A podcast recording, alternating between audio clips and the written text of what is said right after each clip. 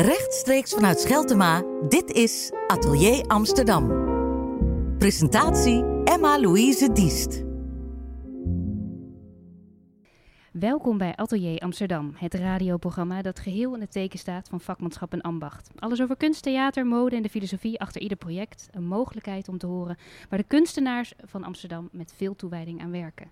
Ja, en vandaag uh, ga ik in gesprek met Barbara Sloesen. Zij speelt Iris in de gloednieuwe film Alles is zoals het zou moeten zijn. Ja, dat ja, klopt. En als, zoals de titel al een beetje doet vermoeden, is dat niet helemaal volgens mij het geval? Uh, nee, ik denk dat eigenlijk meer het tegenovergestelde waar is.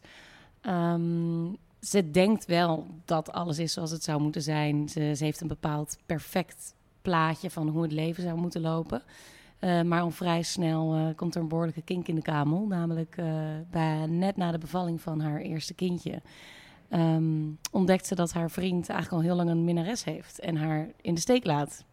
Ja, ze, zoals het ook kan gaan. Zoals inderdaad. het ook kan gaan. En um, ja, het alleenstaande moederschap zich aandient. Wat ze nooit had bedacht dat ze dat zou gaan doen. Nee, en het is het, is het verhaal uh, van het boek van Daphne Dekkers. Ja, dat klopt. Uh, was zij ook betrokken bij, bij de film?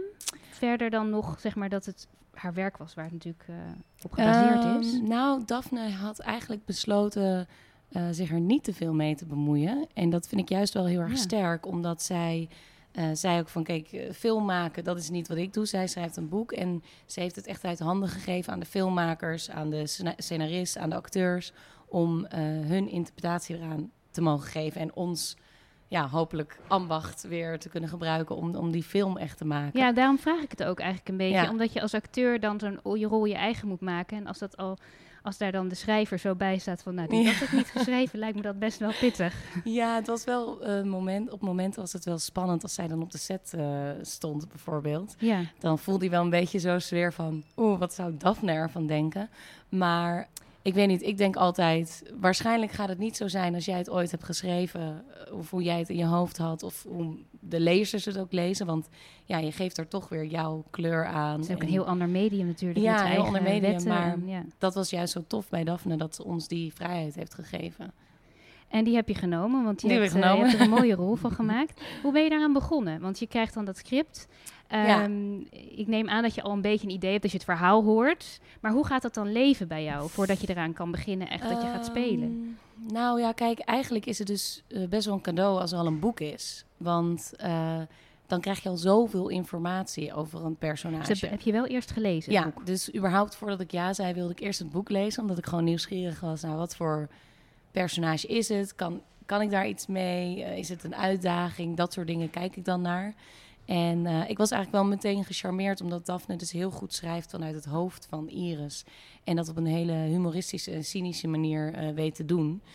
Ehm, Kan je een moment herinneren dat je aan het lezen was en dacht: Oh, dit, dit vind ik wel leuk, dit prikkelt wel. Of hier kan ik wat mee. nou, in letterlijke zin niet, maar Nee, dat, dat begrijp ik. Maar misschien een situatie. Nou, eigenlijk al vrij snel na de situatie dat ze dus alleen met het kind was, haar gedachtegang over hoe erg ze dat niet wilde in haar eentje, dacht ik, oh ja, dit is leuk. Dit is gewoon iemand die in eerste instantie eigenlijk helemaal niet zo sympathiek is misschien, omdat ze ook een beetje een flaphuid is en een beetje blaaskakerig.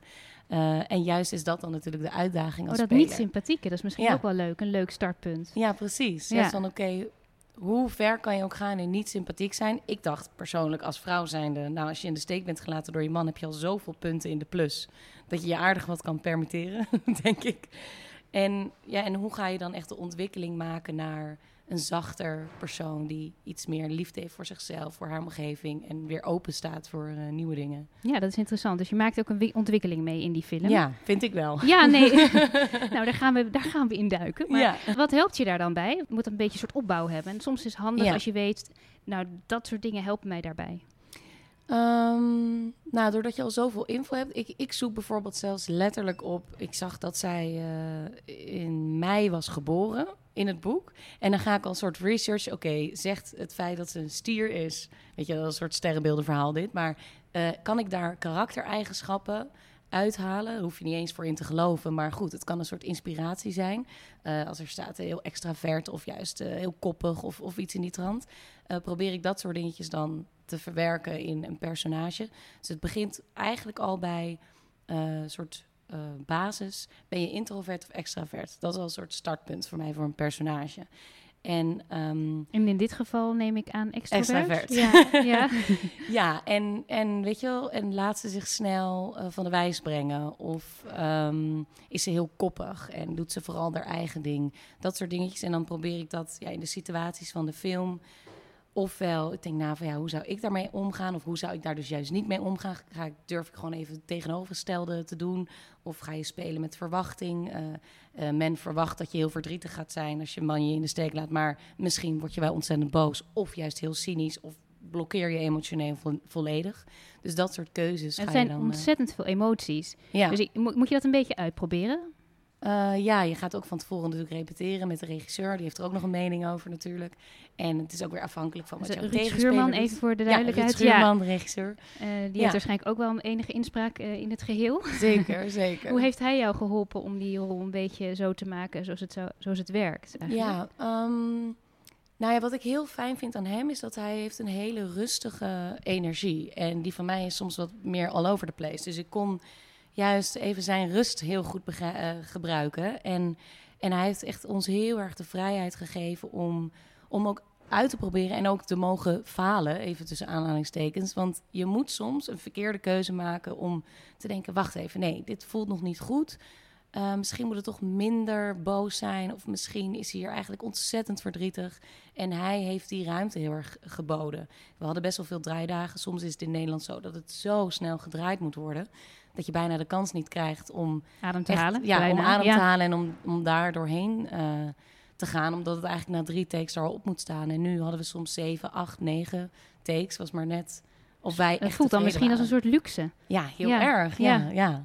zeker. Eh, wordt dan ook het spelen heel anders, omdat je gaat anticiperen op die hoeveelheid eh, takes die je wellicht zou hebben? Ehm goeie vraag, maar nee, je blijft toch altijd wel alert erop dat je natuurlijk zo snel mogelijk de toon wil pakken. En dan kan je nog meer gaan nuanceren. Het is niet dat we dan denken, nou, we hebben nog Nee, zoveel nee. takes. eh, dat niet, want Je wilt je weet nog het meer nooit. gebruiken. Je voelt dat je gewoon nog meer eruit kan halen. Ja, dan ja, precies. Je Ja. Kijk, soms heb je de eerste, tweede of derde keuze is ook prima. Maar als je dus nog verder kan kijken, kan je opeens nog een tiende keuze achterkomen die misschien wel het beste werkt. En dat is Ja. natuurlijk het hele leuke dit Ook vak, een beetje eng, lijkt mij. Ja, Als het snel moet, is meteen is het harms done, weet je wel. Maar als je Kan nog ook wel eens lekker kleintje- Ja, Omdat je je dan ook maar gewoon volledig erin gooit. ja. Ehm, maar het is het, kijk, ze zeggen altijd in de filmindustrie dat eh, eigenlijk een film drie keer wordt gemaakt. Dus het begint bij het script. Daarin wordt natuurlijk al bepaald, nou, dit is de film die wij willen maken. Vervolgens ben je op een set en dan eh, maak je alle scènes. Maak je eigenlijk al een film. En daarna gaat het de editing room in en wordt het weer gemonteerd via andere Ja. ogen. En daar zit Ja. de regisseur natuurlijk ook wel bij. Maar dan kan er eigenlijk alweer een hele andere film uitkomen dan dat ik op de set had gedacht dat het zou zijn. ja, daar zijn ook soms acteurs vrij boos over. wat Ja, er dat ze uit- eruit zijn gehaald of Ja, zo. Of toch net anders, eh, andere keuzes zijn gemaakt. Dat is natuurlijk ook het spannende. Als jij als acteur verschillende eh, ingangen in een scène eh, hebt gespeeld en hebt laten zien... Ja, dan weet je uiteindelijk ook niet welke nou gekozen gaat worden. En Denk je daar soms over na? Van ik moet zoveel mogelijk geven, zodat zij er wat mee kunnen? Of ben je daar niet mee bezig op zo'n moment? Ehm, Nou, ik vind wel dat het echt een wisselwerking is dat je als speler aanbiedt en een, een goede regisseur die reageert daarop en die kan wat mee, kan daar wat mee. Ja. En in Ruudse geval, hij kan heel goed zien wanneer het precies is wat hij is. Hij, weet je wel, soms is het ook heel moeilijk als ik aan jou moet uitleggen, oh, ik wil dat het zo moet zijn. Dat is in woorden soms heel lastig. En daarom vind ik dat je als acteur de plicht hebt om zoveel mogelijk ook dat te kunnen laten zien, waardoor ja, het opeens eh, waar wordt. En de regisseur, ja, dit is eigenlijk Ja. precies wat ik bedoel. En je soms een opmerking eh, kan geven, waardoor je weer net iets anders probeert. En nou ja, zo. Ja, precies. Dat is wel interessant wat je zegt. Dat je in woorden soms niet kunt vertellen eigenlijk wat Mhm. voor sfeer je wil neerzetten. Ja, Dus daar is heel veel voor nodig. Ja. Ik denk ook wel een beetje de plek waar je het opneemt bijvoorbeeld. Ja. Of de, ja, en natuurlijk de tegenspelers. Ja, dat is een, een, een toneel. Op de toneelschool was er een docent die zei altijd: het begint bij goede schoenen. Maar ben- ik denk dat ben je het hele leven vergeten. wel goed begint bij goede schoenen hoor. Dat, dat dat- denk daar ben ik het helemaal mee eens. Ja, je moet goed staan. Ja, je moet goed staan of het moet je, eh, eh, weet je als je als, als je als vrouw op hakken staat, eh, maakt het echt wel verschil. Of als man, bedoel, dat maakt niet uit. Maar Ja, er zijn ook toneelmakers die daar heel erg mee spelen. Ja, dat maakt echt een ja. verschil. Wat voor soort schoeisel je aan hebt. Nu gaan we allemaal kijken naar jouw schoenen tijdens. Ja, nou, dat zijn eh, voornamelijk hakken. Ehm, nou ja, en je tegenspelers, tuurlijk, die hebben, brengen ook weer hun energie mee eh, op een set. En ja, dat kan er zomaar voor zorgen dat ik ook anders ga reageren of zij ook op mij. Ja. En dat, dat is het hele leuke. Uiteindelijk kan je heel veel voorbereiden.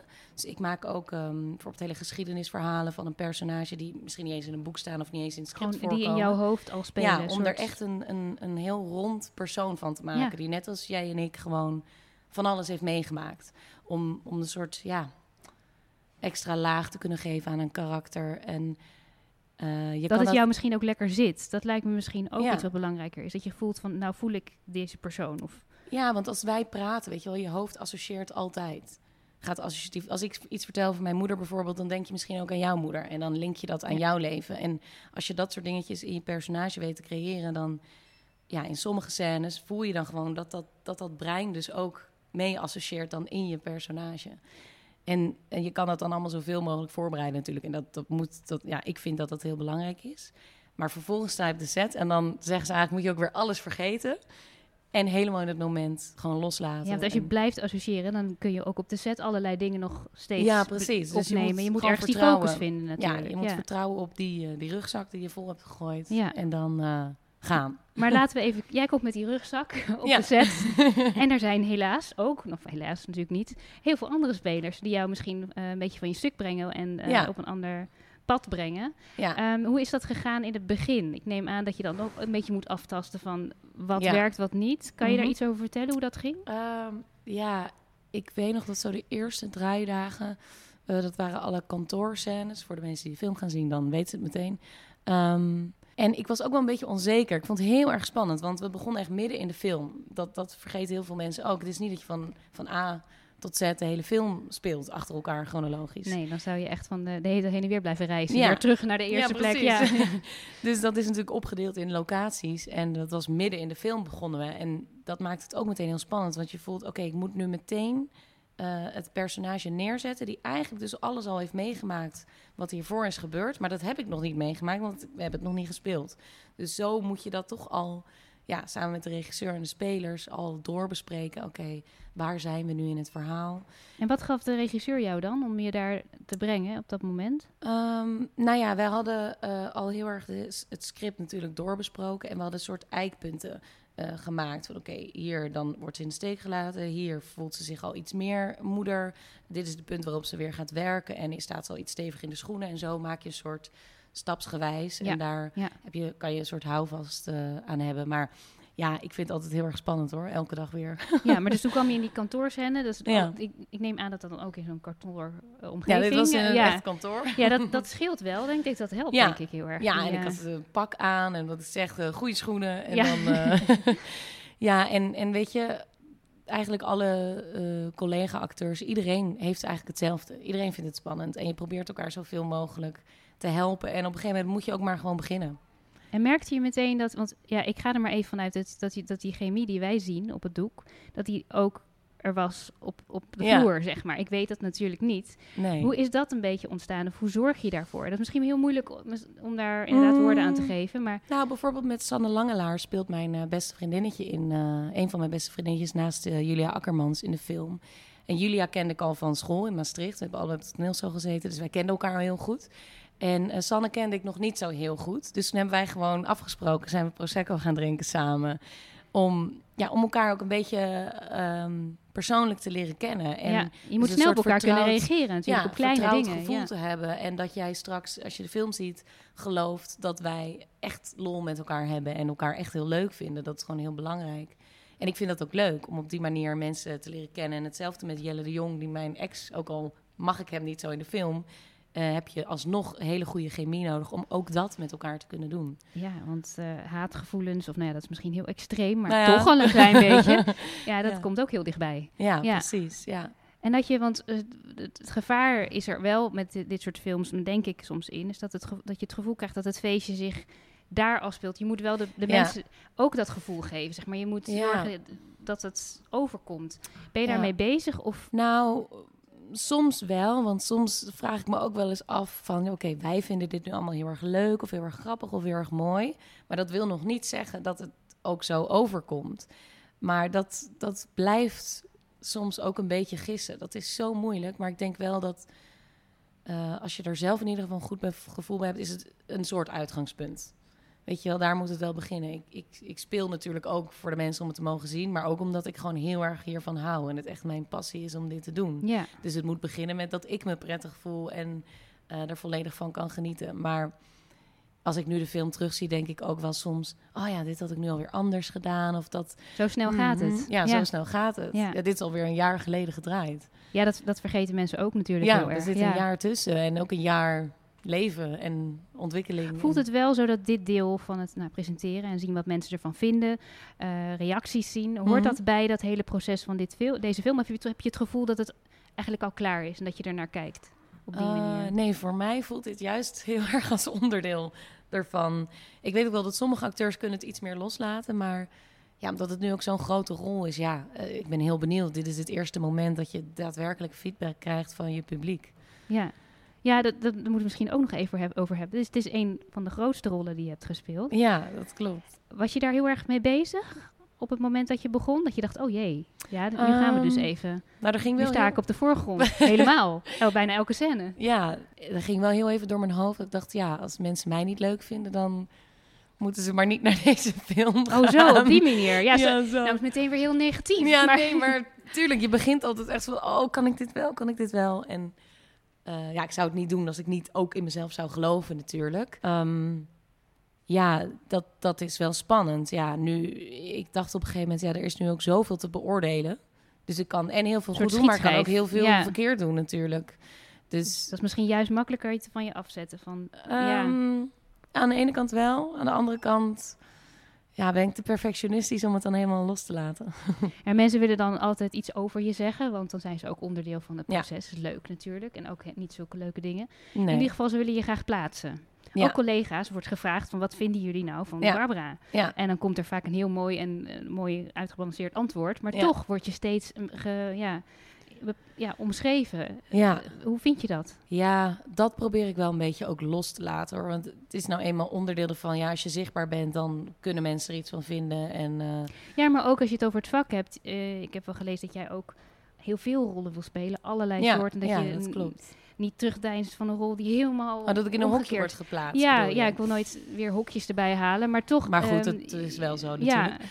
Ja, kijk, ik denk altijd, dat heb ik al vanaf de toneelschool gedacht, als de mensen met, die met mij gaan matchen, ook in dit vak, die ga ik wel vinden. We gaan elkaar wel tegenkomen. En er zullen ook ongetwijfeld mensen zijn die eh, ja, andere smaak hebben of iets dergelijks. Ja, daar, daar kan ik heel veel van vinden.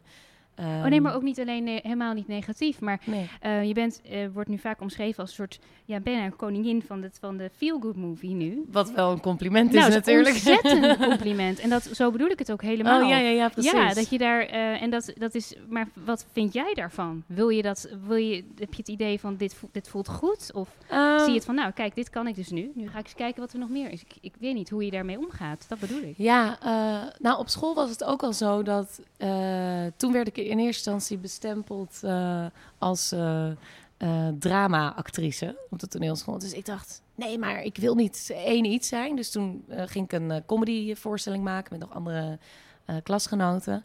En die, die voorstelling was heel geslaagd. En toen kreeg ik weer zo, nee, je bent echt een comedy-actrice. Toen dacht ik, ja, waarom moet er nou steeds het een of het ander zijn, weet je wel? Ehm, maar ik snap ook wel dat ja, als je een bepaalde hoek ingaat, dan is dat ook wat mensen van je kennen. Dus dat ze daarmee associëren is, is En dan, dan wil je dat gewoon heel goed doen. Ja, en Ja. Dan, dan ga je daar gewoon Helemaal voor, volledig ja. voor. En nu is dit mijn pad en krijg ik deze kansen. Ja. En dat wil ik zo, zo goed mogelijk doen, wat je zegt. En ik hoop dat via die weg er ook wel weer eh, openingen zullen zijn om ook andere dingen nog te laten zien. Eh, maar dat denk ik wel, ja. En ook ideeën die je weer opdoet tijdens zo'n proces. Want ik Ja. denk dat je nu bij het maken van deze film ook wel weer... Je zegt al, ik kijk terug en dat zou ik anders doen. Ja. Wat, wat heb je er uit deze film meegenomen dat je denkt... Ideeën misschien voor later. Dat je denkt, dat vind ik heel leuk. Wist ik niet dat ik dat zo leuk vond. Of dat wil ik misschien niet. Ehm, Nou, ik hou heel erg van cynisme en droge humor. En eigenlijk zou ik dat nog wel meer willen opzoeken. Zoeken naar nog meer de grens. Weet je, wel, of ik mijn eigen humor... Nou ja, dat is mijn humor. Of mensen dat humor vinden, is ook maar de vraag. Maar om dat op te zoeken... Ja, of daar nog meer in te durven. Nog iets verder te gaan Ja. en, en te onderzoeken waar die grens ligt. En eh, in deze film zit ook een, eh, een vrij lange scène met René Fokker... die mijn moeder speelt. En dat was een hele emotionele scène... En ja, ik voelde wel van, oh ja, dit is wel waar spelen voor mij ooit geboren is. Om ook echt die kant te mogen laten zien, de kwetsbare kant en de zachte kant. En ehm, als ik die scène terugzie, ben ik er ook wel heel erg trots op. Denk ik, ja, daar ligt nog zoveel meer voor mijn gevoel, wat ik nog zou willen ontdekken. dus het Eh, gaat wel kriebelen dan. ja, ontzettend. En voelde En- je dat op dat moment ook? Of heb je er achteraf Ja. dat je dacht, hé, hey, Ja, sowieso. Ik vind René echt een waanzinnige actrice. Dus dat was ook wel even knijpen af en toe van... Wauw, oké, zij zit nu ben hier mee me. bezig, ik zit hier nu, ik ja, doe dit nu. Ja. hoe tof. En, ehm, en het was echt alsof wij even helemaal met z'n tweeën waren. Dat niet al die veertig mensen er nog omheen stonden... maar wij gewoon samen die scène, Ja. aan het, dat verhaal aan het vertellen waren. En eh, ja, dat is wel heel bijzonder. En tegelijkertijd hou ik ook ontzettend van lelijkheid. En eh, mag het af en toe ook gewoon wat minder... Ja, Gepolijst. gepolijst zijn. Ja. En, en dat, die zoektocht vind ik wel heel erg leuk, ja. dus dat heb je dan weer ontdekt. Ja. Droom je veel? Denk je veel van, nou dat zou ik... Je zegt al iets van dat cynisme wil ik graag Mhm. opzoeken en kijken wat ik daar nog meer mee kan. Ja, Zijn er nog meer dingen die je eh, onderzoekt al in je hoofd dat je denkt, hé, hey, ja ehm, ik zou ook wel nog, wat ik ook al net een beetje zei, toch meer nog de, de, de diepte in willen gaan in, ja, in het drama en in ehm, pijn van, van mensen. Dat is toch, dat klinkt altijd een beetje weird dat je dat als acteur zo prettig vindt, maar dat zijn gewoon altijd hele toffe zoektochten om hoe je, kan, hoe je dat op een waarachtige en oprechte, geloofwaardige manier kan brengen en mensen ook daarin mee mag nemen of een, en een stukje troost kan bieden op een of andere manier. Of, je weet ook nooit wat je tegenkomt dan natuurlijk. In het echte leven al niet. Dus nee, ja. dus, dus dat, eh, ja, dat lijkt me nog wel heel interessant. Ja, Ja, nu gaan we nog even genieten van heel veel eh, vrolijkheid ja en luchtigheid. en ik denk dat heel veel mensen daar wel eh, heel erg veel behoefte aan dat hebben denk in ik deze ook. tijd. Ja. Ik hoop het in ja, ieder geval. en eh, misschien met niet zo volle zalen, omdat dat gewoon even niet kan op het moment. Maar ik Nee. denk dat het pret niet mag drukken en dat heel veel mensen hier heel erg van gaan genieten. ja, dat hoop ik zeker. ja. Ehm, nou, heel veel moois voor de toekomst, denk ik. En geniet eerst van deze prachtige filmen. Dank je wel voor dit gesprek. Dankjewel.